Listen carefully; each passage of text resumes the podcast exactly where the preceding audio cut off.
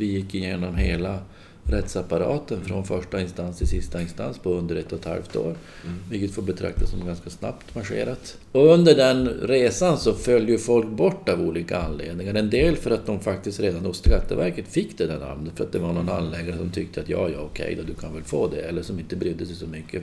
Vilket ju också var ett problem i systemet. Det berodde på vem man råkade hamna hos. Mm. Och så blev det mitt namnärende som gick hela vägen. Vilket ju också innebär att det var mitt namnärende som hamnade mest i fokus.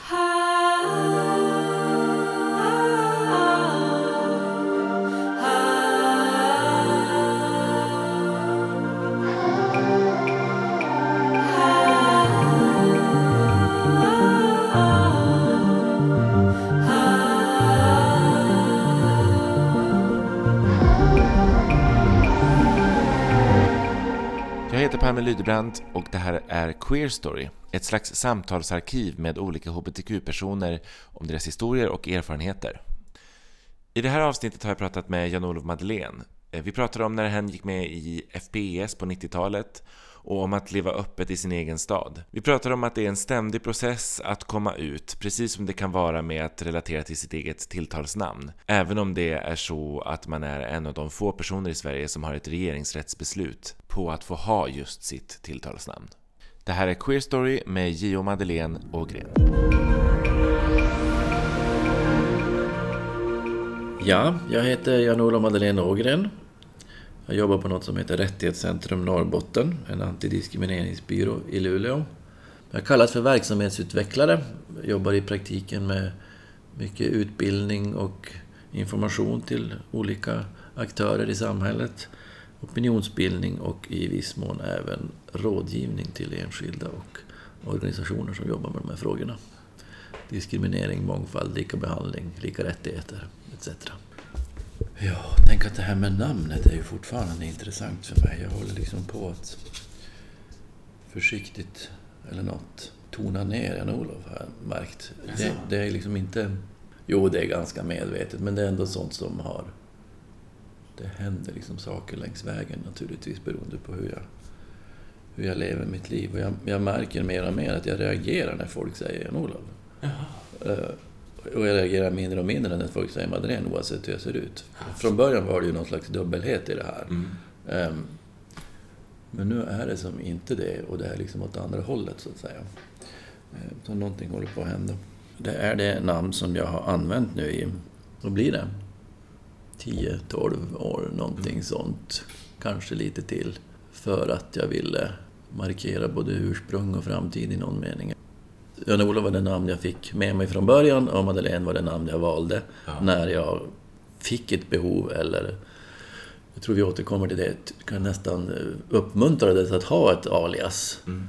Och sen har det då följt med och sen har det blivit mer och mer som det ofta blir, börjar man använda namn så blir det en del av en själv efter ett tag. Mm. Även om det kanske var ett, i någon mening en konstruktion från början. Hur blev det Madeleine? Hur ja, hur blev det det? Det blev ju det i samband med att jag ehm, efter en hel del trubbel med mig själv så småningom hittade till en förening via en liten annons i en kvällstidning. Mm. En förening som hette och heter FPES, Full Personality Expression. Det är en amerikansk, mm. amerikanskt eh, påfund från början. Full Personality Expression Sweden som startades redan 1966 och jag hittade den här då 90 90 tror jag hittade den där annonsen och året efter gick jag med.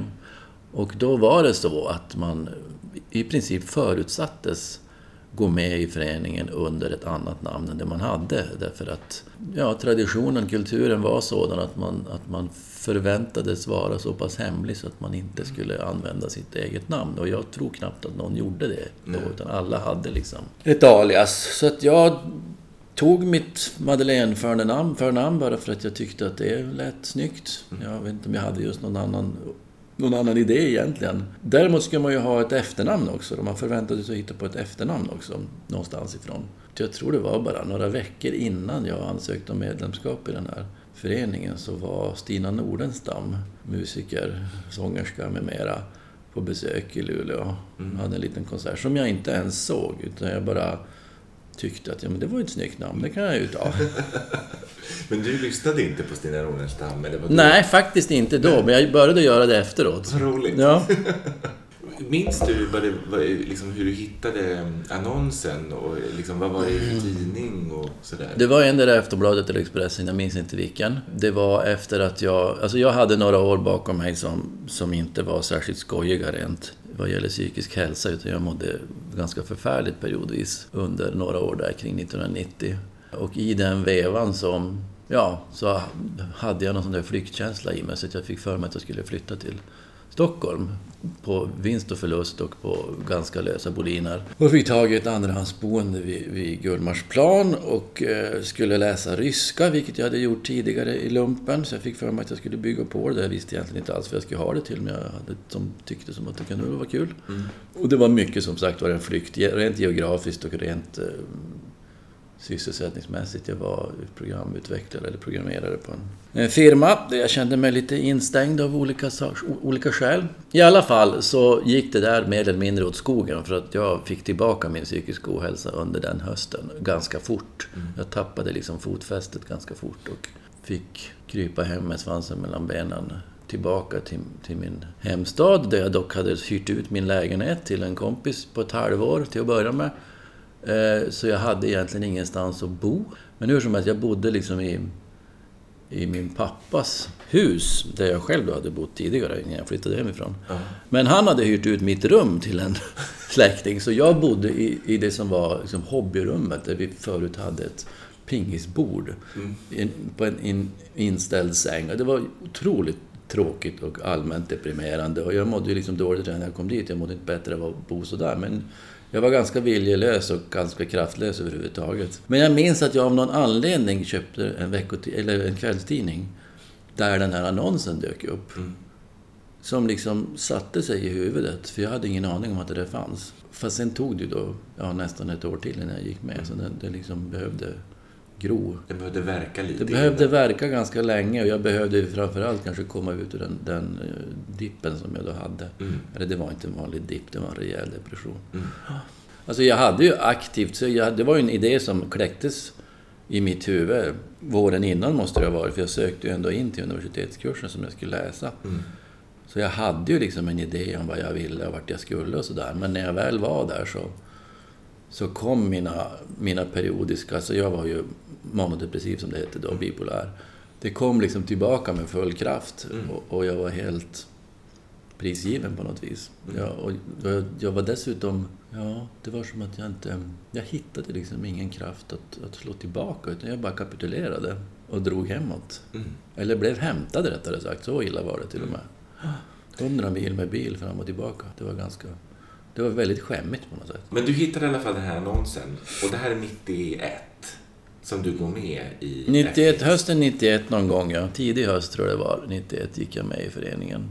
Och då, ehm, då var det ganska turbulent i föreningen, kommer jag ihåg. För det fanns, och jag kanske inte fattade så mycket av det just då eftersom jag var ny i sammanhanget. Men, men det pågick en, en, en intern strid kring det här med Alltså hela FP-konceptet bygger på heterosexuella transvestiter. Punkt. Eventuella fruar, sambor, flickvänner ska kunna känna sig trygga med att, att de som är med i den föreningen har inga andra idéer om vem de ska vara med. Utan det är liksom någon slags garanti. Vilket ju naturligtvis inte är, men i alla fall. Grundkonceptet var mm. sådant. Ehm, sen var det ju så att i föreningen fanns folk som hade alla möjliga sexuella preferenser och läggningar och, och, och, var på väg åt olika håll. Och de var inte alls nödvändigtvis transvestiter, de kunde mycket väl vara transsexuella eller i alla fall vara på väg in i det, för allting är ju en process. Mm. Så det är ju inget konstigt med det egentligen, men, men det fanns någon slags lära om att det var så här det skulle vara enligt grundkonceptet. Och det var folk som, som utmanade detta i den vevan när jag gick med. Det var också så att föreningen fyllde 25 den hösten. Ja, för den bildades ju 66 och 25 plus 66 borde bli 91. Mm. Så det bjöds in till en, en jubileumsfest som jag då var på. Så det var liksom min första, min första direktkontakt med, med föreningen och dess sociala verksamhet. Som ju då huvudsakligen bedrevs i Stockholm med viss omnejd. Mm. Men det fanns inte så mycket ute i landet. Man hade någon träff på något ställe ute på landet för att det skulle vara avskilt och så.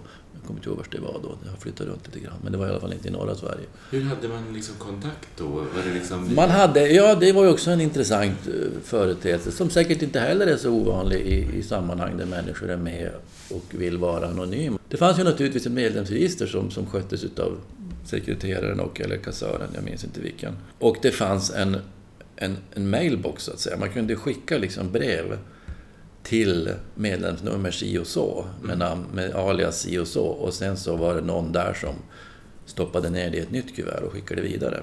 Så man kunde liksom brevväxla via föreningens funktion. Ett ganska långsamt sätt, men det funkade ju. Mm. Och det gick ju naturligtvis att, att hitta folk den vägen. Eftersom det fanns ett, ett medlemsregister med aliasnamn som var i någon mening öppet inom föreningen. Om man kunde se var folk bodde och sådär. Just det. Eh, Men det var ungefär det man kunde se. Och den här träffen, eller den här liksom jubileet, Ja. då får man ut liksom post att så här, nu är det, det är Ja. som en vanlig inbjudan. Ja, det är en vanlig inbjudan. Och- Fast väldigt intern och väldigt alltså, hysch-hysch utåt Ja. så. Mm. Och du åker dit.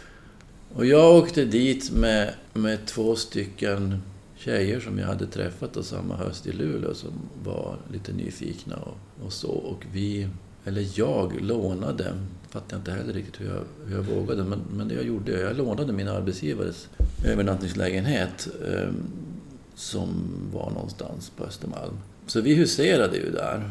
Eller vänta, nu var det fem år senare det. Nu börjar det röra till sig i mitt huvud. Jag var nämligen på två jubileumsfester. Nej, men det var nog fem år senare det. Det måste det ju ha varit. Jo, just det. För, jo, vart jag bodde då första året, det kommer jag inte ihåg. Däremot minns jag att jag var på Fasching kvällen innan, ensam. Och eh, träffade av en ren slump en nerflyttad Luleå-tjej, så jag fick sällskap. Jag minns också en sån där klassisk transidentitetsincident på Fasching när jag skulle gå på toa. När man går på toa är ju alltid spännande. Toorna på Fasching låg då, jag vet inte hur det ser ut nu, jag har inte varit där så mycket sedan dess, precis vid garderoben. Så att de som var garderobspersonal hade uppsikt över toalettköerna. Och jag stod då i kön till damtoan och fick veta utav en av de som stod i garderoben att där skulle jag inte stå. Utan, ja, här var ska jag stå då? frågade jag. Om jag inte ska stå här, var ska jag stå då? Det här är ju liksom, känns ju som ändå mest bekvämt. Mm. Eh, Nej, du ska, du ska stå i, i handikapptoakön. Och jag var inte riktigt så kaxig så att jag började argumentera om det. Utan Nej. jag rättade in mig i ledet och ställde mig där fast det kändes som att det är inget fel att gå på en handikapptoa i sig naturligtvis. Men, men det blev lite konstigt i sammanhanget. Och så att bli sådär tillrättavisad. Mm. Som om man inte står rätt. Alltså, Nej men precis, som om jag inte vet vart jag vill gå någonstans. Ja. Exakt. Och vad spelar det för roll? Det är ju... Ja, Man låser ju ändå om sig. men precis. Det är ju Ja. inte något offentligt görande av behov. Utan det är. Exakt. Nåväl. Men det är ganska modigt, tänker jag. Just det där steget också, att gå på en sån, jul, på en sån fest. Också Ja. i en stad. Mm. Alltså det är ju... Ja, men det har jag också tänkt på efteråt. Att jag, jag hade ju... Alltså, det här var ju naturligtvis lite grann utav en ketchup-effekt också. Att jag hade ju liksom tänkt och känt saker ganska länge. Och bara detta att hitta den här föreningen var ju som att en stor propp liksom försvann. Eh, och jag, jag gjorde ju saker överhuvudtaget den hösten som jag har funderat på efteråt hur jag egentligen vågade göra grejer ensam. Inte bara då i Stockholm utan även i, på ställen runt Luleå och även faktiskt i viss mån i Luleå. Vad var det för? Ja, det är en sån där incident som jag brukar berätta om då och då för att jag är också som sagt var fascinerad över vad jag tog mig för. Men i alla fall, apropå ketchup-effekt då. Jag skulle ut och det här måste ha varit tror jag några veckor innan jag for till Stockholm. Då hade jag fått för mig att jag skulle gå ut på Statt i Luleå. Jag var inte egentligen någon frekvent besökare utav Stadshotellet utan det var som att jag ska ut, jag ska finnas, jag ska vara. Mm. Kanske lite jag ska synas också naturligtvis, men jag tror inte att det var huvudsyftet. Det var mer bara att få göra sånt som... Så jag gick på Statt en lördagkväll ensam, eh, för då hade jag tydligen inget sällskap. Men hur som helst, jag gick dit. Jag satt i det som då var en pianobar med en flygel och liksom satt och filosoferade och tittade på folk och folk tittade ju naturligtvis på mig.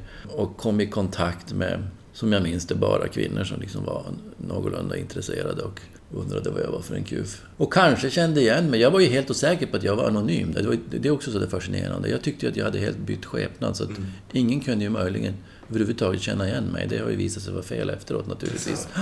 Det är klart att folk kände igen mig. De, de utflykter som jag ändå gjorde i Luleå, lite sådär tyckte jag, undercover. Hur som helst, det slutade, den kvällen slutade med att jag satt med, med en, en ny bekantskap i, i rummet innanför pianobaren och pratade och fram kommer hennes killkompisar som hon tror jag hade gått ut tillsammans med, eller i alla fall i någon mening. De hade någon slags anspråk på henne. Mm.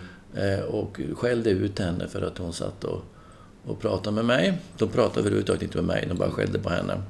Jag fanns liksom inte. Eh, och det blev, det blev inget handgemäng runt bordet, men det blev ändå ganska stökigt och, och lite rörigt i största allmänhet och, mm. och, och högljutt och sådär. Och det som hände då när vi skulle gå därifrån, hon och jag, det var att jag fick veta att jag var inte välkommen tillbaka på, till Statt. Så effekten av att de bråkade kring min närvaro och hennes val av sällskap var att jag blev portad. Och jag har tänkt på det efteråt, att det här... Jag hade ingen större aning om vad diskriminering är för någonting. Hur, vilka uttryck det kunde ta sig och jag hade än mindre aning om hur, hur regelverket såg ut i sammanhanget. Och det fanns ju egentligen inget sådant regelverk då. Även 91, det var långt innan någon ens hade börjat prata om diskriminering av, av transpersoner. Men det var en klassisk diskriminering, för jag fick dessutom veta att jag var inte väl, ovälkommen där i största allmänhet, men jag var ovälkommen om jag såg ut på det där sättet. Mm. Sa vakten till mig. Så det var ju klockren diskriminering av, av könsuttryck, kan man ju säga i efterhand. Ja.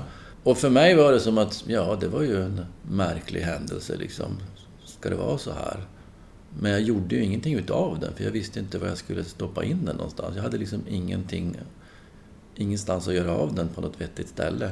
Menar du liksom att den inte tog på det? Eller jo, jag tror att den tog. Jag tror att den tog, men jag visste liksom inte hur går jag vidare med det? Vad gör jag utav det här nu då? Jag hade ju inget tyckte jag sammanhang. Jag hade ju den här föreningen, men jag hade inga kontakter i föreningen som jag kunde prata om med sådana där saker. Det kändes mest pinsamt att ha ställt till det. Så det var ju mycket jag tog på mig, det klassiska liksom. Mm. Ja men dumskalle, hur kunde du göra sådär? Mm. Det är väl klart att det går illa då, det borde du väl ha fattat. Precis det man inte ska tänka.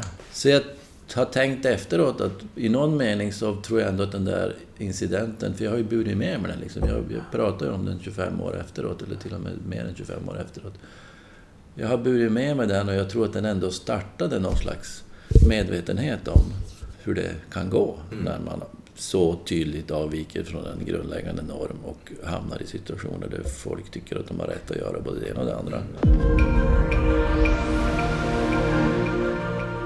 Men vid den här tiden, då jobbade du ju inte på Rättighetscenter i Nej, nej, nej. Då, då jobbade jag, eller då var jag ju ganska ny. Ja, det var jag. 87 gick jag ut högskolan. Och jag gick datateknisk civilingenjörsutbildning och jag fick jobb med en gång på en firma som sysslade med programmering, programutveckling, systemutveckling. Alltså det var ju IT-branschen. Och där jobbade jag sen 87.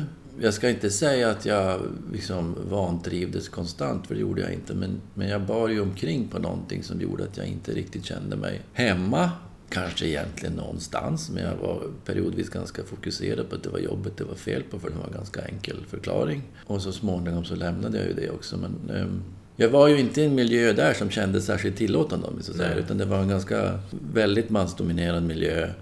Ja, där jag upplevde att de flesta hade kanske intressen som jag inte nödvändigtvis delade i så stor utsträckning. Mm. Men jag hade fått ett jobb, jag ska väl för fan vara glad. Det, är så, ja, det där är så typiskt att man liksom också säger till sig själv då att man ska vara tacksam för det. Mm. För det är ju det är så otroligt stor tid av ens vecka ja, som visst. man spenderar på jobbet. Ja. Och om man inte känner liksom, sig trygg där, Nej. att kunna få vara fri, då det är klart att det, liksom, det lägger liksom ett lock på ja, hela en själv och bara trycker Visst. ner. Ja. Jo, så det bidrog ju, alltså, som jag sa förut så var jag ju då, jag led av en form av periodisk psykisk ohälsa som, som verkligen kom och gick och som gjorde att jag naturligtvis också var sjukskriven ganska långa perioder över vinterhalvåret under den tid jag var anställd där. Och det har jag också funderat på i efterhand. Alltså, de hade ändå ett ganska stort tålamod med mitt strulande. Jag, I efterhand är jag lite fascinerad över att de inte gjorde något vad de nu skulle kunna göra mm. tidigare för att signalera att nu kanske det vore bra om du tog ditt pick och pack och gick någon annanstans. För jag funkade ju inte så bra. Alltså, man kortare göra- perioder så funkade jag ganska bra, men, men sen så pajar ju allting förr eller senare. Jag tänker att det, men så som arbetsgivare så det finns ju olika sätt att gå tillväga. Ja. När det är, om det är en person som inte liksom kan komma tillbaka. Nej, nej. Och det, där kan man ju verkligen ta sitt ansvar på olika sätt. Ja, min minnesbild är väl att de kanske inte gjorde så himla mycket. Alltså de gjorde inte så mycket för att ta reda på vad det var som var bekymret. Å andra sidan tror jag inte att jag hade sagt så mycket heller. Jag hade liksom inte det förtroendet för, för mina chefer då. Men de var ju intresserade av det, så de, det kommer jag ihåg. De kom ju hem till mig någon gång och, alltså i samband med den rehabiliteringsskyldighet som de ändå hade och klurade på vad de kunde göra och liksom anpassa saker och hitta nya arbetsuppgifter och ta det lite lugnt. Och, Det är inte heller som att i den här tiden att man pratar så mycket om psykisk ohälsa. Nej, och jag har ingen som helst aning om vilken kompetens de hade på det området och hur mycket de ens hade kunnat om de hade velat. Liksom det, det hade kanske varit spännande att ha ett sånt samtal med någon av dem så här i efterhand, men det har jag inte haft. Det kan ju sätta saker i ett annat ljus också. Mm.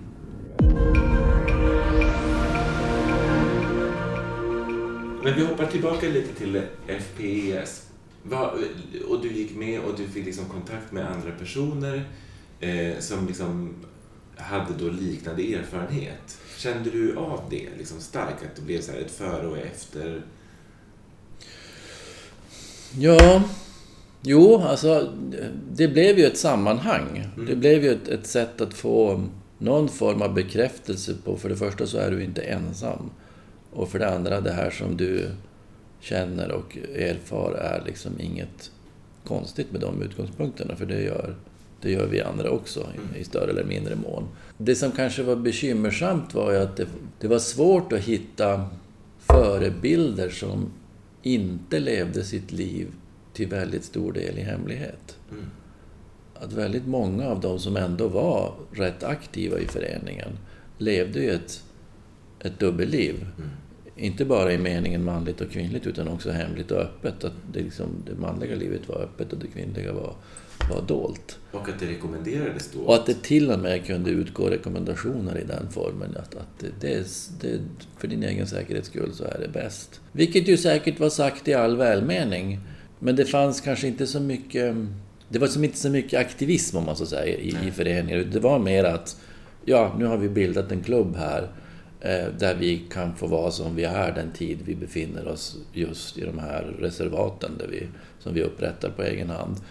Men i övrigt så ska ni vara väldigt aktsamma med att, med att liksom gå ut öppet på stan eller, och hur ni då beter er och hur ni låter. Och, och, och, och huruvida ni väljer att gå flera i sällskap kanske inte är så smart. Då. Alltså det finns många sådana där idéer om, om hur man då bevarar hemligheten istället för att åtminstone försöka ta något kliv framåt. Och, och jag var ju naturligtvis inte ensam som inte trivdes med det tänket.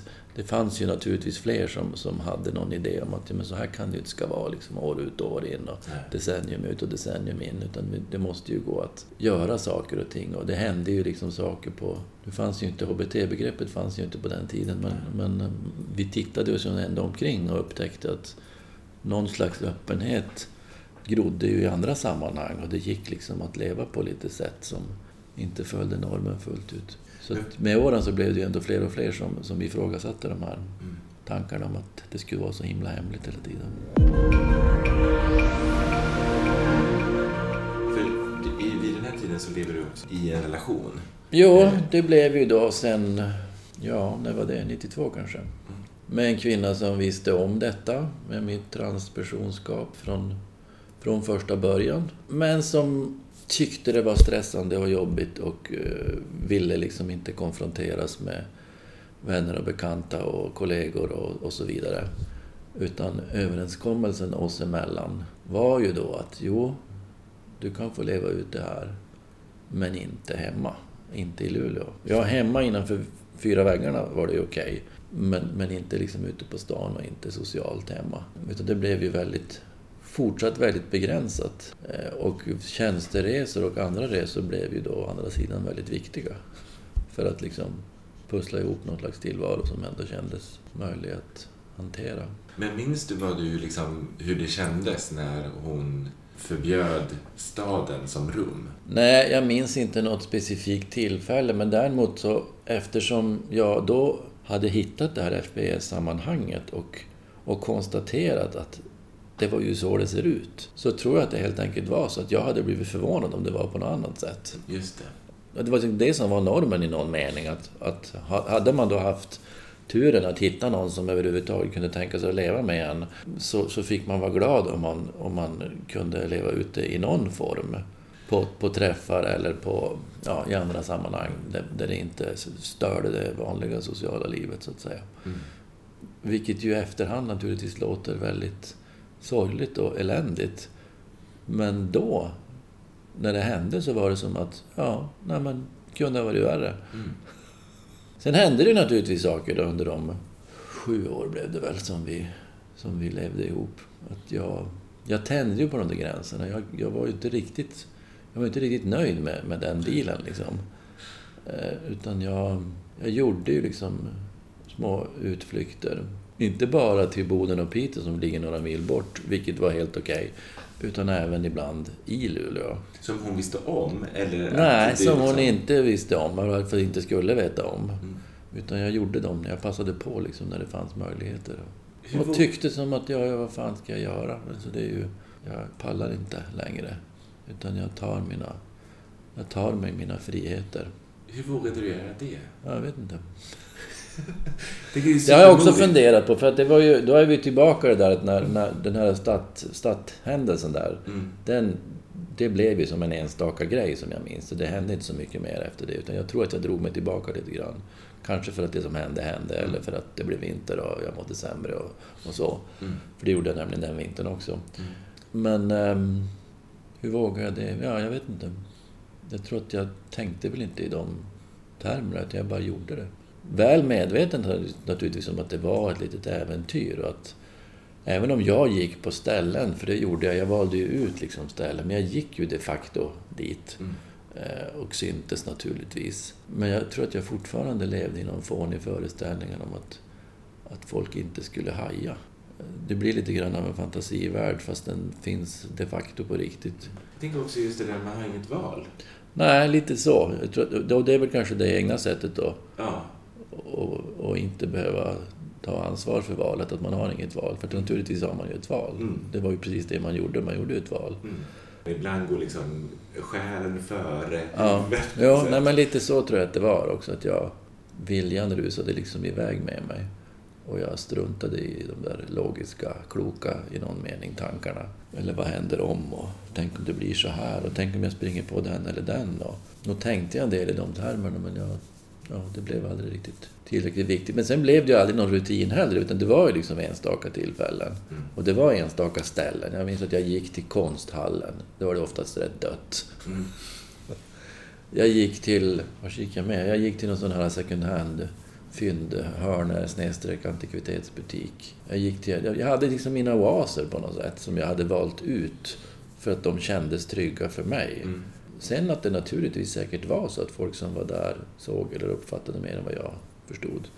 Det var liksom en annan historia som jag inte bekymrar mig om så mycket idag. Det kanske inte spelar så stor roll. Nej, alltså just... för mig var det ganska oväsentligt då. Mm. Men modigt. Jag tycker jag är fascinerad över...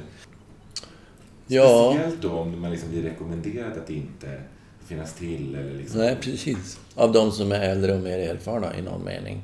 Ja. För så var det ändå. Det var ju liksom inte, det var inte de nyblivna medlemmarna som sa sådana där saker, utan det var ju de som hade varit med ett tag och ja. tyckte sig veta vad som kan hända. Och naturligtvis hade de ju i någon mening rätt också. För det är klart att folk har råkat illa ut. Det är klart att det har hänt saker. Det är klart att det är klart att relationer har havererat mm. när, när hemligheten har röjts. Inte nödvändigtvis alla gånger för att, för att livskamraten inte har kunnat hantera själva hemligheten i sig, utan för att den har funnits. Och varför har du inte sagt något förut? Och, och liksom, hur har du kunnat gå omkring med det här i decennier? Just det. Och inte mm. sagt någonting. Det finns ju bägge typerna av historier naturligtvis. Mm. Och det är inte så himla lätt alla gånger att veta vilken som kommer att bli min historia innan jag har testat. Nej, Nej hur ska man kunna veta det?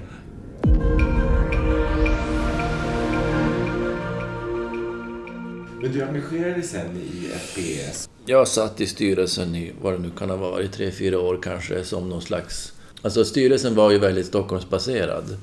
Och sen hade man någon slags idé, åtminstone på pappret, om att man skulle ha representation utifrån landet.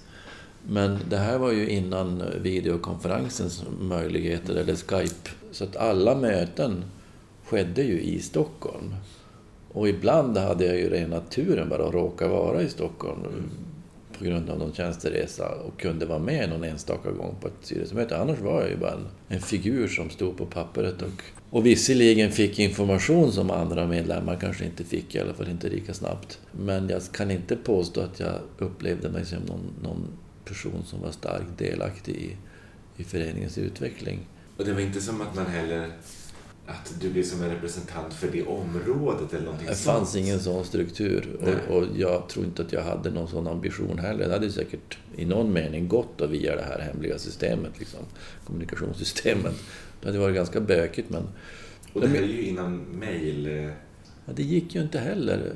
Nu måste jag tänka efter här. Jo, men mejl måste väl ha kommit i den vevan, va? Fast kanske inte så mycket privata mejl. Funktioner, mer kanske då via jobb och sånt. Och då måste man ju ha dubbla mejladresser också. Det blir, allting blir ju bökigt. Ja.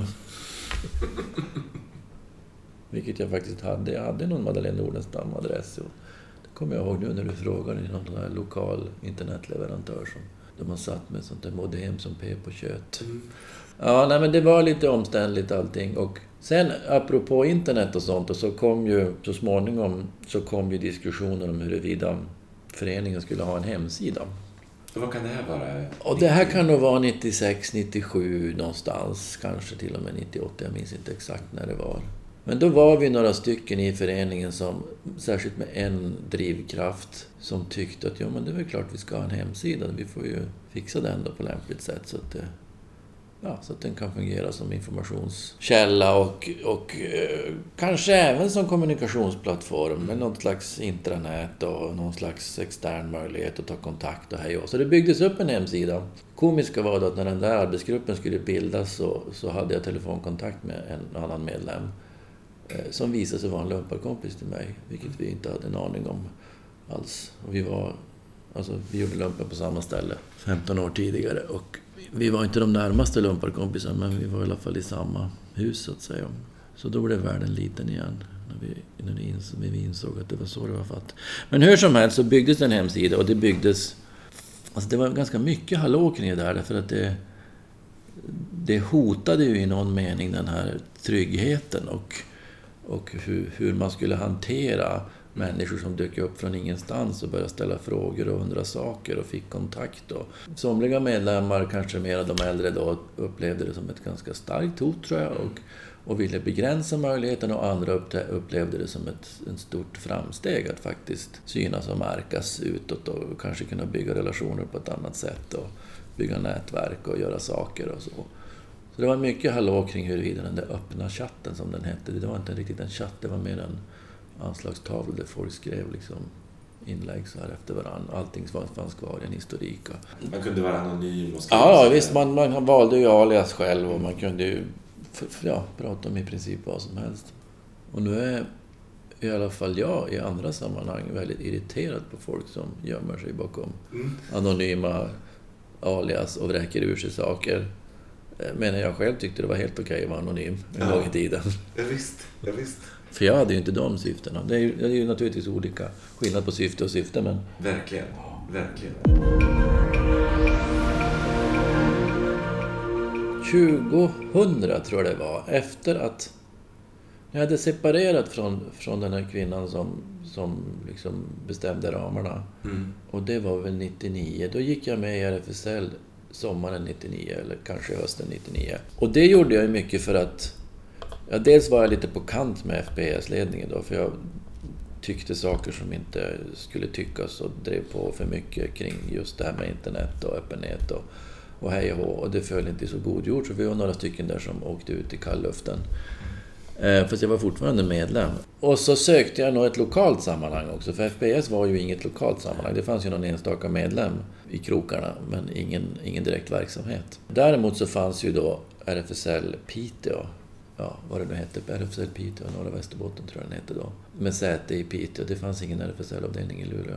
Så då tyckte jag väl att det kanske kunde vara ett en kanal och ett sätt att, att hitta ett annat sammanhang som dessutom var mera i närheten. Och i den vevan när jag gick med där så, så var det en, en transkonferens, RFSL anordnad transkonferens i Malmö som jag och en annan kamrat som också var med i FPS och vi, vi gick båda med i RFSL i den vevan, fick fara på. Och det tror jag var någon slags startskott för att upptäcka att oj då, här finns det ju folk som, som vill saker och ting och som faktiskt jobbar för att förändra saker och ting och inte bara sitta still och tycka att ja, men, vi kan väl hålla oss här så är det tryggt. Så det blev ytterligare ett steg mot att bli lite mer aktivistisk. Mm.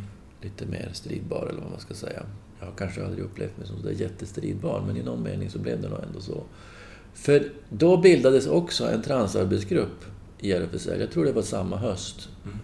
I samband med någon, någon höstkonferens. Lite luddigt för mig vilken ordning saker och ting händer nu. Men i alla fall så blev det en transarbetsgrupp som så småningom, fast det kanske var året efter, men strunt samma. Och i den vevan började det också pratas om att ja, vi, måste ju, vi måste ju försöka påverka våra politiker. Vi måste ju liksom synas och märkas på på högsta nivå så att säga. Mm.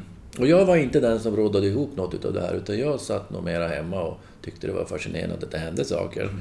Och då fanns det ju en homoarbetsgrupp i riksdagen där bland andra, jag tror Tasso Stafilidis var med redan då och Börje Westlund och Hillevi Larsson och ett antal andra som också tyckte att jo, men vi måste få upp de här frågorna på, på agendan. Och det blev ju då till ett riksdagsseminarium 2001 i min värld är det det första riksdagsseminariet, men jag vet inte om det är så. Det kanske hade varit något mindre innan.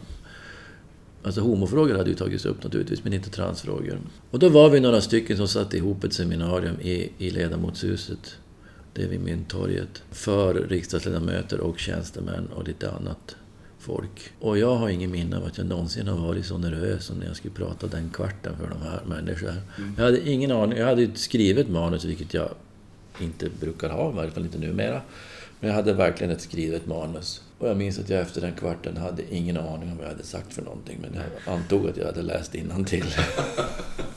Då var vi fortfarande inte öppen. Alltså, vi var ju flera stycken i det där seminariet som inte var riktigt öppna, utan som hade lite bekymmer med, med det här med att man var tvungen att legitimera sig när man skulle in i riksdagshuset. Hur skulle vi hantera det nu då? Och jag minns faktiskt inte hur vi löste det, men det, jag minns att det kändes ändå tryggt. Mm. Det var, det var liksom, saken var utagerad och man kunde väl kanske ändå lita på säkerhetsfolket i, mm. i riksdagen. Liksom. Varför kunde de sprida saker? Så det var ju lite häftigt att, att få vara med om det. Och sen blev det ju lite grann, um, nu när du var inne på diskrimineringslagen, så var det ju då några år efter det så tillsattes den här parlamentariska utredningen, diskrimineringskommittén, då, som fick i uppdrag att bland annat klura på om man skulle införa en diskrimineringsgrund för att skydda transpersoner. Mm. Och den diskrimineringskommittén, eller den utredningen, jobbade ju under några år. Och 2005, tror jag det var, så ordnades det då ett seminarium inför denna diskrimineringskommitté. Och då var det ju då några stycken från det där första seminariet var med och så var det några andra ena också. Och apropå nervositet så minns jag inte att jag var alls lika nervös den gången. Nej. Därför att då hade jag ju, då hade jag ju börjat komma ut ordentligt hemma och liksom i olika sammanhang och kände mig mycket, mycket tryggare som, som människa. Jag hade inte kommit ut på jobbet än. Alltså, jag, jag jobbade inte som Madeleine, så att säga. Och vad jobbade du då? Då jobbade jag på universitet, Luleå tekniska universitet, på, på avdelningen för systemvetenskap. Som, ja, jag kom dit som, som, som äh, lärare i programmering, men sen blev det lite andra saker också längs vägen. Så jag var ju, jag var ju liksom rätt van vid att hantera grupper av människor. Dock inte i det sammanhanget, men ändå, det var ju i princip samma sak. Eh, utan då, då var jag dessutom mera kaxig vad gällde hur vi skulle lägga upp det hela och hur vi skulle ha liksom mera workshopaktiga saker och mindre envägskommunikation och sådär. Kände du dig liksom uppbackad också av liksom RFSL och den här... Ja, det tror jag att vi, det tycker jag nog att, att jag, jag, vi, var, vi var rätt bra. Alltså jag tycker det fortfarande. Jag har tänkt på det många gånger, vad vi faktiskt gjorde i det seminariet. Vi fick ju med oss diskrimineringskommittén till, till stor del av det vi ville. Sen blev ju inte lagförslaget riktigt som vi hade tänkt, men det var i alla fall inte vårt fel. Utan det var ju, det stötte ju på patrull i regeringskansliet för att de kanske inte riktigt tänkte på samma sätt. Mm. Men eh, jo, jag tycker vi gjorde det bra. När är det? 2009? 2009 kommer själva lagen, ja. Kommer själva lagen. Mm. Mm. är det då också den här rättsprocessen kommer igång. Med namnet? Du, ja, ja. namnet. Där du lite blir rikskändis. Ja, precis. Inom... Egentligen har ju det ingenting med varandra att göra. För att alltså diskrimineringslagens tillkomst, det var liksom en sak. Mm. Och det här med namnprocessen var ju faktiskt en annan sak. För det, det hade man kunnat köra i vilket fall som helst. Sen var det säkert ganska bra att det kom ungefär i samma veva för det blev mer, mer uppmärksamhet. Vad var det som hände med namn?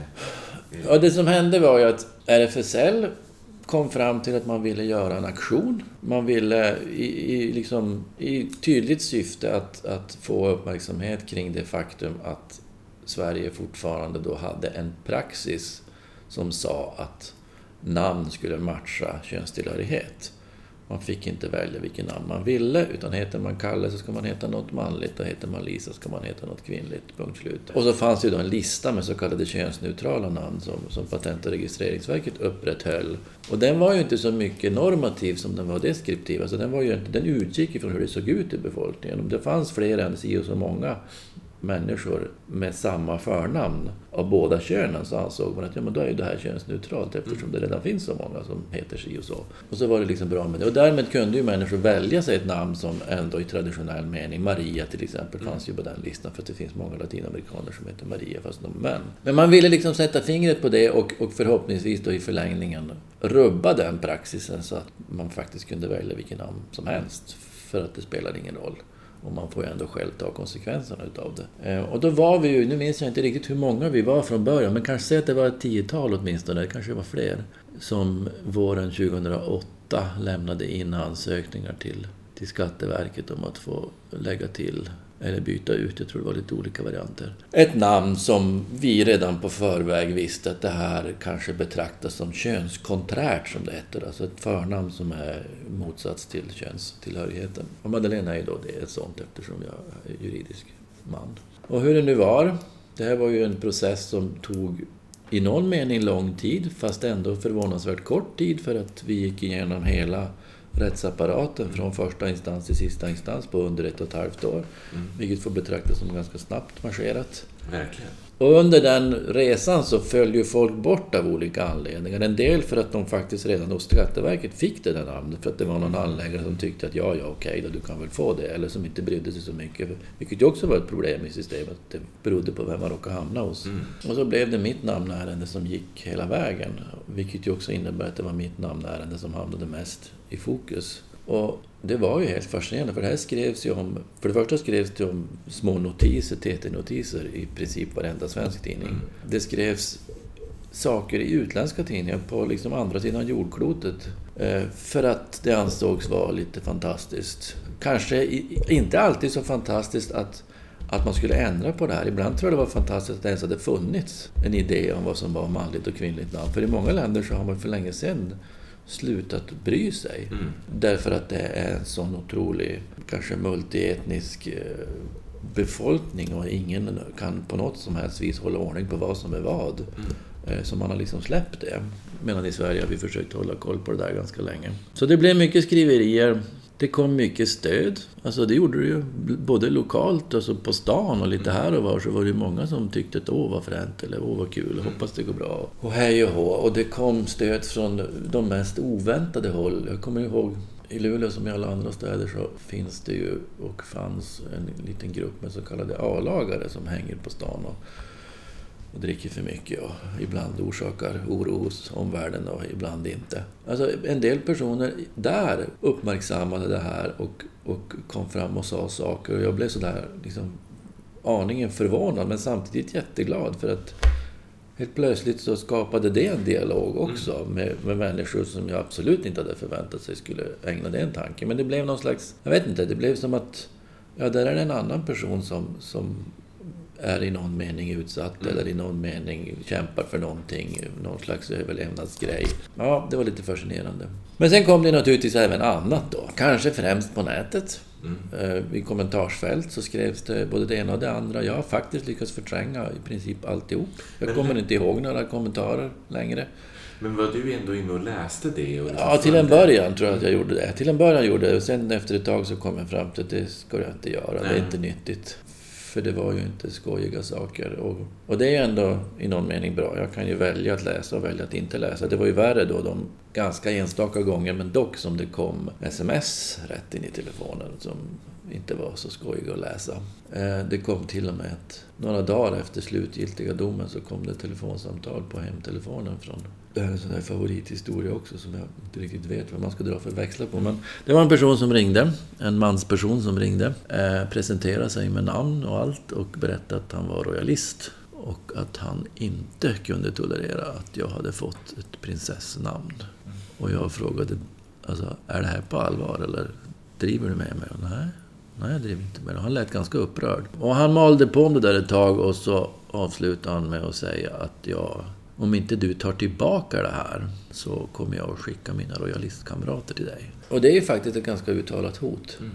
Visserligen oklart vad de skulle göra för något, men, men eh, det lät ju inte så det jättetrevligt. Det här var ganska sent en söndagkväll. På hemtelefonen? På hemtelefonen, ja. Några dagar innan efter slutgiltiga domen. Och jag vet fortfarande inte varför jag inte gjorde något av det där. Varför jag inte åtminstone bara för att polisanmälde det hela. Jag hade ju ingen inspelning eller något, så hade ändå blivit bara liksom hörsägen eller mm. vad man nu kallar det för. Men bara för att markera på något sätt. Men jag gjorde ingenting. Jag bara tyckte att ja, det är säkert ingen att bry sig om. Vilket det ju inte var heller, för jag såg inte till några royalistkamrater. Men det blev ett visst obehag och, och, det är klart att jag förstod ju att det här väckte känslor och tankar som, som inte alltid var så positiva. Det fanns de som tyckte att nu får det väl ändå vara nog. Liksom. Det, det blev ju ändå på något sätt känt över hela landet och du blev, liksom, fick intervjuer och, mm. och sådär. Eh, någon gång som du kände liksom att det här... Att det blev för mycket uppmärksamhet? Jo, det, ja. det, det tror jag nog att jag tyckte. Det kom ju stötvis. Det var liksom, eftersom det var en lång process. Det var ju först liksom den här ansökan då till Skatteverket och den blir ju inte offentlig. Eller det, den, i princip är den väl offentlig, men det hände i alla fall mm. ingenting. Sen var det då första i det som då hette länsrätt, som numera heter förvaltningsrätt. Där, där länsrätten i, i Norrbottens län då till vår ganska stora förvåning faktiskt tyckte att jo, det är helt okej. Okay. De gick liksom emot praxis själva. För att de tyckte att minns jag inte exakt hur det var de skrev, men, men jag hade ju hjälp. Jag hade ju juridisk hjälp av Kerstin Burman som har gjort sig känd som, som driven på området i flera olika sammanhang. Och hon och jag i viss mån tillsammans hade ju skrivit ihop en, en tyckte vi, jättebra liksom, skrivelse, motivering till varför det här inte borde vara något att tjafsa om. Och det tyckte de också. Så de köpte ju alltihop rakt av. Så det var ju det som var första liksom, anstormningen, eller vad man ska säga, utav, utav mediauppmärksamhet. Mm. Det var inte som att folk kastade sig på telefonen och ringde till mig allihop. Men, men det blev i alla fall mycket skriverier mm. i olika storlekar och former. Och sen var det ju då kammarrätten och sen var det regeringsrätt. Så det var liksom tre domar inom loppet av, vad kan det ha varit, lite drygt ett år tror jag. Mm. Och varje gång det kom så blev det liksom nya skriverier.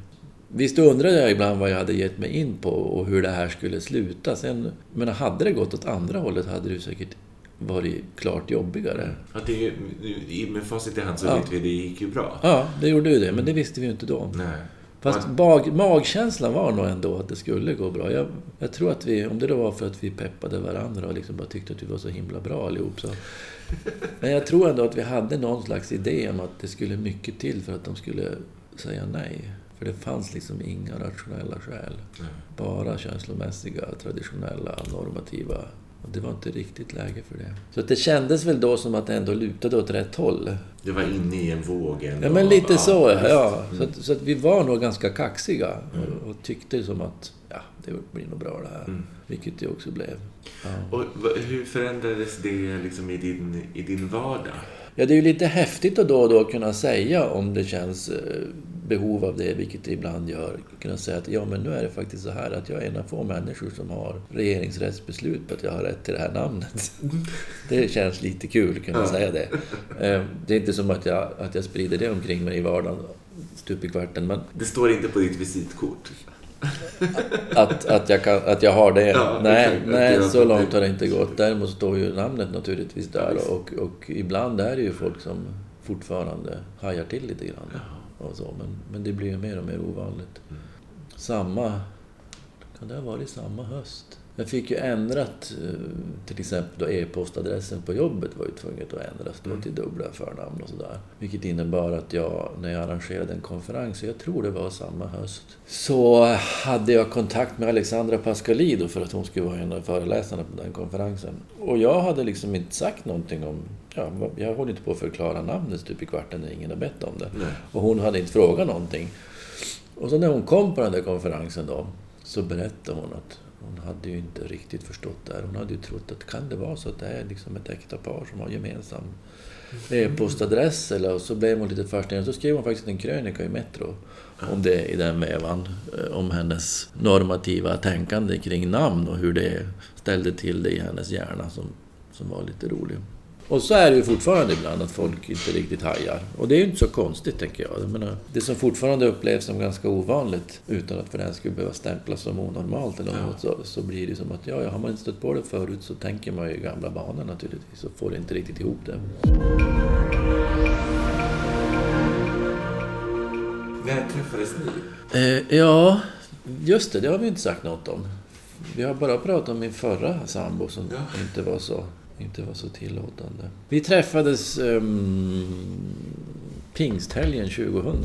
Så det var ju i den där vevan när det, när det började hända saker, kan man ju säga. Det var ju väldigt väl tajmat. Hon har ju naturligtvis betytt jättemycket eftersom hennes inställning var väsensskild från, från den förra sambon som ju var mera liksom, kontrollerande i någon mening och ville verkligen sätta upp gränser och blev bekymrad när det, när det kändes som att nu är de här gränserna på väg att överträdas eller redan har överträtts. Medan Lena på ett tidigt stadium sa att ja, nej men vadå gränser? Alltså du, vill du göra det där så gör du det där och så får vi underförstått så får vi liksom lösa det då. Sen tror jag inte, det har hon sagt efteråt också, att hon kanske inte riktigt fullt ut förstod Nej. vad hon sa då. Alltså för att hon, jag menar, hon hade ju ingen riktig erfarenhet heller av, av vad som var i görningen och vad som kunde hända och hur folk kunde reagera och vad det skulle innebära. Så att hade hon vetat allt det så kanske hon hade tänkt på ett annat sätt. Men hennes grundinställning var liksom helt annars. Mm. Var det liksom love at first sight? Ja, jag tror faktiskt att det lite grann var så. Det gick väldigt fort i alla fall. Men, men det var så här att hon jobbade på en lokaltidning, Norrbottens-Kuriren. Och jag hade läst ganska mycket av det hon hade skrivit. Dels så gjorde hon en del, en del recensioner av utställningar och annat. Och dels hade hon en, en egen, egen liten avdelning i lördagsbilagan. En sån här, vad hette den då? Hette den bara Om kanske? Om mänskliga relationer, allting som rör sig i det fältet. Så Både liksom det man förväntar sig ska stå i en sån och även gick utanför lite ramarna och beskrev andra typ, sätt att leva och andra sätt att funka. Och jag hade, jag hade liksom noterat det här och konstaterat att det här verkar vara en, en, en spännande person, en person som har vida vyer. Och, och så hade jag då en kamrat, samma kamrat som jag hade när jag gick med i RFSL, vilket ju var i samma veva, som också hade span på henne. Fast eh, primärt i alla fall för att, att han hade bestämt sig för att han skulle komma ut i lokalpressen. Jag tror inte att det var så väl övertänkt, men han hade i alla fall någon slags idé om att det där skulle hända med buller och bång. Så, så han försökte rigga möten med henne för att få till en intervju och få till något reportage. Och hon var inte helt med på banan, fast tyckte ändå att ja, ja. Och så blev han lite nervös och så ville han ha mig med sig till det här mötet som skulle ske hemma hos henne av alla ställen. Och på den vägen var det. Och jag fyllde år typ en vecka senare och bjöd in henne och hej och. Och så var vi på Stockholm Pride samma sommar och så förlovade vi oss på Stockholm Pride och så, och så där. Så att för mig var det ganska omvälvande att, att komma in i ett sammanhang, dels då med henne, men också med hennes tre döttrar i varierande åldrar. Den yngsta var 11 och den äldsta var 20 någonting. Som kändes liksom på ett helt annat sätt, självklart, och inte, inte kontrollerande. Nu kanske jag romantiserar det lite grann i efterhand, för det är klart vi hade våra duster också och det var mycket som skulle redas ut och funderas på. Men, men grundstämningen var i alla fall att det här blir nog bra.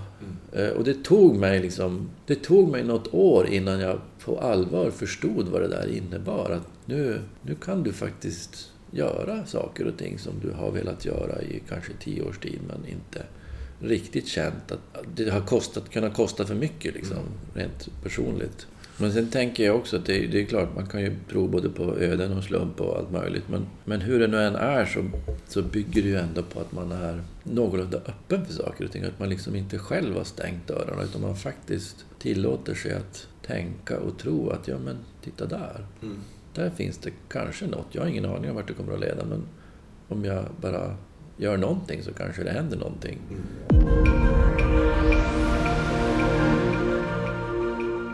Du började kämpa på Rättighetscentrum. Va, va, vad är det för någonting? Ja, vad är en antidiskrimineringsbyrå? Det är ju, kan man ju för det första säga då, att det är ju en statlig konstruktion, det vill säga staten... Eller det var så här, det var någon, någon sån här antidiskrimineringsbyrå öppnade på eget bevåg kring 2000. Alltså utan statlig finansiering och utan något som helst statligt stöd. Sen och det var kanske i den vevan när man började prata om det här. Då det kanske vore fiffigt om det fanns verksamheter, organisationer som jobbade med diskrimineringsfrågor. Inte bara centralt som Diskrimineringsombudsmannen gör, och som ju inte fanns då för då var det fyra stycken olika.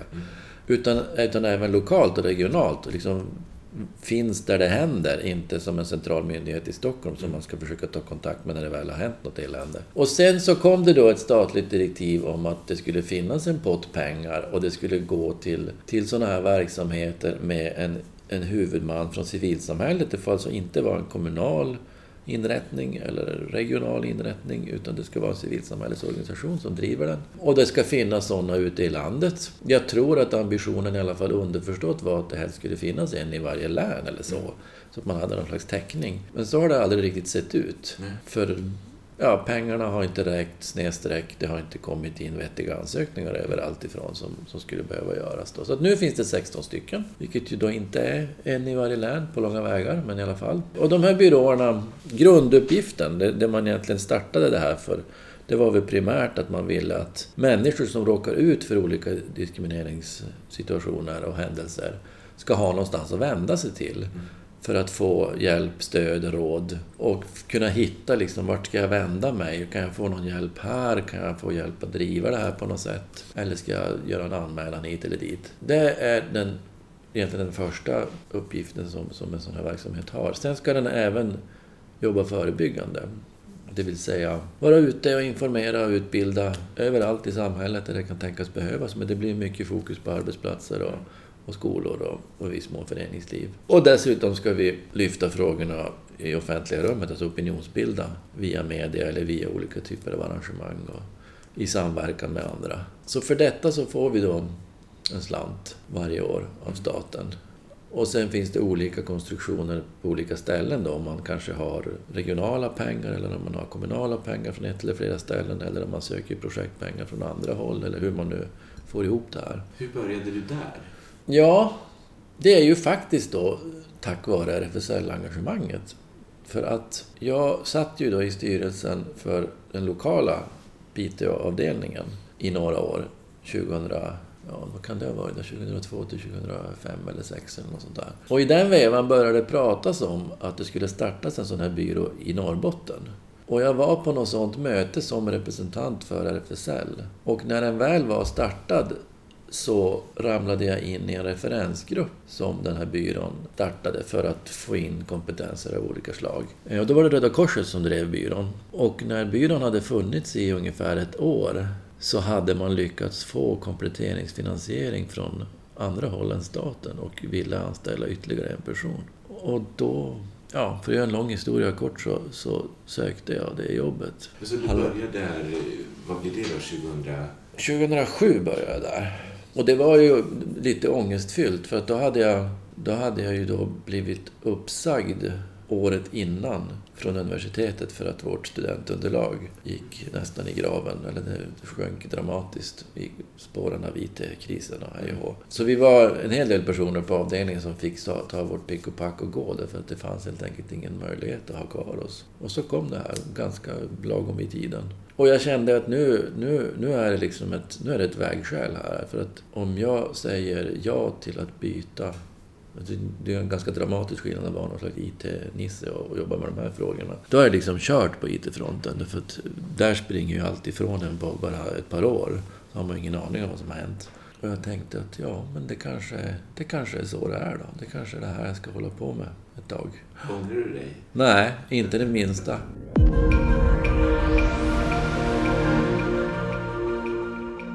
Jag satt och tänkte nu här idag, på förmiddagen, innan vi träffades. Att, Mm. ja, vad skulle det där vara för någonting då? Någon särskild händelse? Alltså, så här var det då. Jag, jag, när folk frågar mig, när kom du ut? Det är ju ett elände att svara på det. För vad sjutton betyder komma ut? Och för vem? Och när? Och hur? Och var? Jag kom ju delvis ut naturligtvis redan, ja, redan där när jag, jag fick för mig att gå på stat. Det var ju någon slags kom ut-historia. Fast jag har ju inte räknat den så. Nej. Jag räknade mer som ett, en grej som jag bara gjorde och sen vart det ingenting mer med det. Ja, sen kom jag ju ut lite nu och då då. Fast inte så mycket i Luleå under en period. Och i väldigt, tyckte jag, begränsade sociala sammanhang som inte var fullt så begränsade som jag trodde. Men sen efter att jag träffade Lena så, så brukar jag säga att jag kom ut på riktigt, dock inte på jobbet, i Luleå 2002. Och då hade jag redan börjat gå på en och annan så här konsert och sånt, liksom, utan att bry mig om vad folk tyckte och tänkte. Fast en gång när jag kom hem från en konsert så, så var Lena på... Vi har en sån där regional filmbolag som heter Filmpool Nord Mm. som hade tioårsjubileum. Och hon var ditbjuden tillsammans med sina dåvarande chef eller kollega eller hur det var. Och jag visste att hon var där och jag kom hem från konserten och tyckte det var trist att komma hem till en tom lägenhet och så. Så ringde jag bara och så sa jag är det okej om jag kommer på den där festen? Och jag tror inte riktigt att hon förstod vad det var jag frågade. Men i alla fall så tog jag en taxi och så damp jag bara ner där. Och det var ju liksom ett stort, i någon mening, offentligt sällskap. Det var ju visserligen ett slutet sällskap, men det var ändå jättemycket folk där och hej och. och jag bara damp ner och hon blev lite tagen på sängen när hon kom ut, eller kom liksom till ingången där och såg hur jag såg ut. Och hennes kollega, och möjligen om det var hennes chef, om de var kanske chef och kollega i ett, jag minns inte riktigt. Hon bara liksom, ja, ska vi dansa? Och drog iväg mig upp på dansgolvet. Och jag är inte så där så att jag brukar tycka att det är kul att dansa. Men det var som att nu har jag inget val. Nu är det bara att haka på här och se vad som händer. Minns du vad du tänkte då i den stunden när ni möttes där i, i ingången? Nej, jag minns nog inte exakt vad jag tänkte. Men jag, men jag kände ju att jag var ute på lite hal is. Mm. Jag kände ju att nu, nu... Fast jag trodde ju inte att hon skulle få något spel eller liksom bli, bli så. För hon var ju ändå... Men hon visste ju vad hon hade sagt också. Och hon visste att jag var ute och nosade på det här. Och att jag fortfarande kanske inte skulle dimpa ner på ett sånt sätt. Så att hon blev överraskad var ju kanske inte så konstigt. Men visst var det ett vågspel i någon mening. Det var det ju. Men du, får jag fråga dig, finns det någonting, nu sitter vi och liksom tittar på, på livet. Finns det någonting som du tänker så här, det där skulle jag gjort annorlunda? Det är klart att man kan fundera på varför, varför tog det så himla lång tid allting? Varför ska det behöva ta...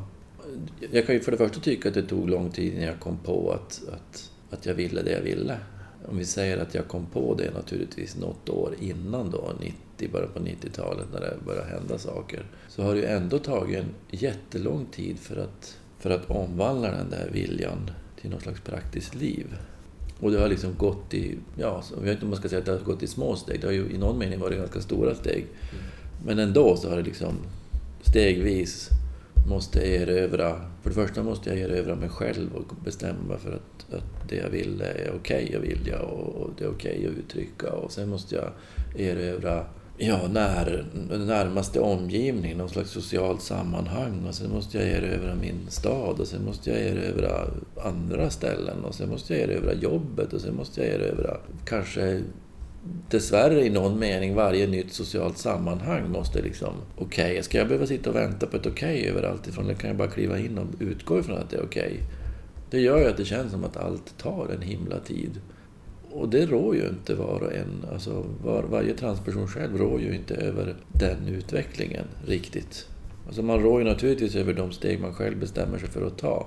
Men man rår ju inte över vilken respons man får och vad det i sin tur får för konsekvenser. Men det vore ju himla fiffigt om vi någon gång kunde leva i ett sammanhang eller leva i ett samhälle där, där det faktiskt inte är någon grej överhuvudtaget. Liksom bara, ja, okej, så är det med dig. Mm. So what? Jag tänkte på det, det är ju bara någon, någon vecka eller några veckor sedan som eh, Caroline Farberger eller något liknande. Jag ber om ursäkt om jag inte riktigt har koll på efternamnet. Kom ut med ganska mycket buller och bång, eller i varje fall väldigt liksom väldigt officiellt och offentligt, VD för ICA Försäkring. En person som, som jag inte känner, men som jag inte kan låta bli att fascineras över. Hon sitter ju naturligtvis på en position som, tänker jag, både gör det lätt och gör det svårt beroende på vad som händer sen. Det är ju lätt att säga att ja, ja, men det är väl klart att det går bra. Du har ju redan en position där. Det, vad har du att förlora? Ja, men typ allt. Om det skiter sig så, så blir det ju ett riktigt fall liksom. Och om det inte skiter sig så blir det ju en fantastisk, i någon mening, förebild. Samtidigt som det kanske för många är svårt att relatera till, till en person som sitter på en sån position och gör det hon gör. Och har, tack och lov, alltså typ HR-avdelning och alla möjliga ena med sig i den här processen. Där man har suttit och planerat, som jag uppfattar det, ganska så in i detalj. Liksom, hur ska vi göra det här? Vilka steg ska vi ta? Vilka kanaler ska vi välja? Hur ska vi lägga upp den här kom ut-processen i det offentliga. Men och att vi ska göra det. Och att, ja, precis. Det är naturligtvis det första beslutet, att vi ens ska göra det. Och det, det, bara det är ju fantastiskt att man kommer fram till att jo, vi gör det här och vi gör det tillsammans. Och vi lägger upp det på det här viset. När de allra flesta transpersoner kanske i varje fall fram till nu inte haft just någon att planera dem utan det bara händer och man får, ja, men man får liksom ta de steg man tar och så upptäcker man att det här gick ju bra eller det här gick ju inte bra. Vad gör jag nu? Och alla har inte den taktiska, strategiska förmågan att, att ens tänka i de termerna. Att medvetet liksom klura på hur det här ska gå till. Vart vill jag med det då? att en så pass högt uppsatt chef inom näringslivet skulle kunna gå ut och säga en sån sak och få backning från alla håll. Det tror jag inte att någon hade tänkt sig för, säg, åtminstone tio år sedan så var det nog ganska revolutionerande. Och nu händer det. Att folk helt enkelt, de som då eventuellt har åsikter om detta, att man inte borde och borde inte få, att de bara vänjer sig efter ett tag. Bara, Jaha, och en till, och en till. Och hur, nej men oj. Det blev inget problem? Eller Nej, precis. Jo, det gick inte under, Nej. i alla fall inte av den anledningen. Nej, utan precis. Att... Det kanske är andra problem som är större som vi borde fundera på istället. Ja, visst. Tack snälla Madeleine för Tack. att jag har fått prata med dig. Tack själv, Falmer. Det har varit väldigt trevligt. Ja, det tycker jag med. Ja. Verkligen. Om du vill komma i kontakt med mig och den här podden så gör du det bäst genom att mejla på queerstorymail.gmail.com Gå in på Instagram, följ podden där under queerstorypod. Musiken är gjord av Anna Nordenström och Ilon Weide. Grafiken av Michelle Hammenfeldt. Jag heter Parmen Rydbrand. Stort tack för att ni har lyssnat. Tack!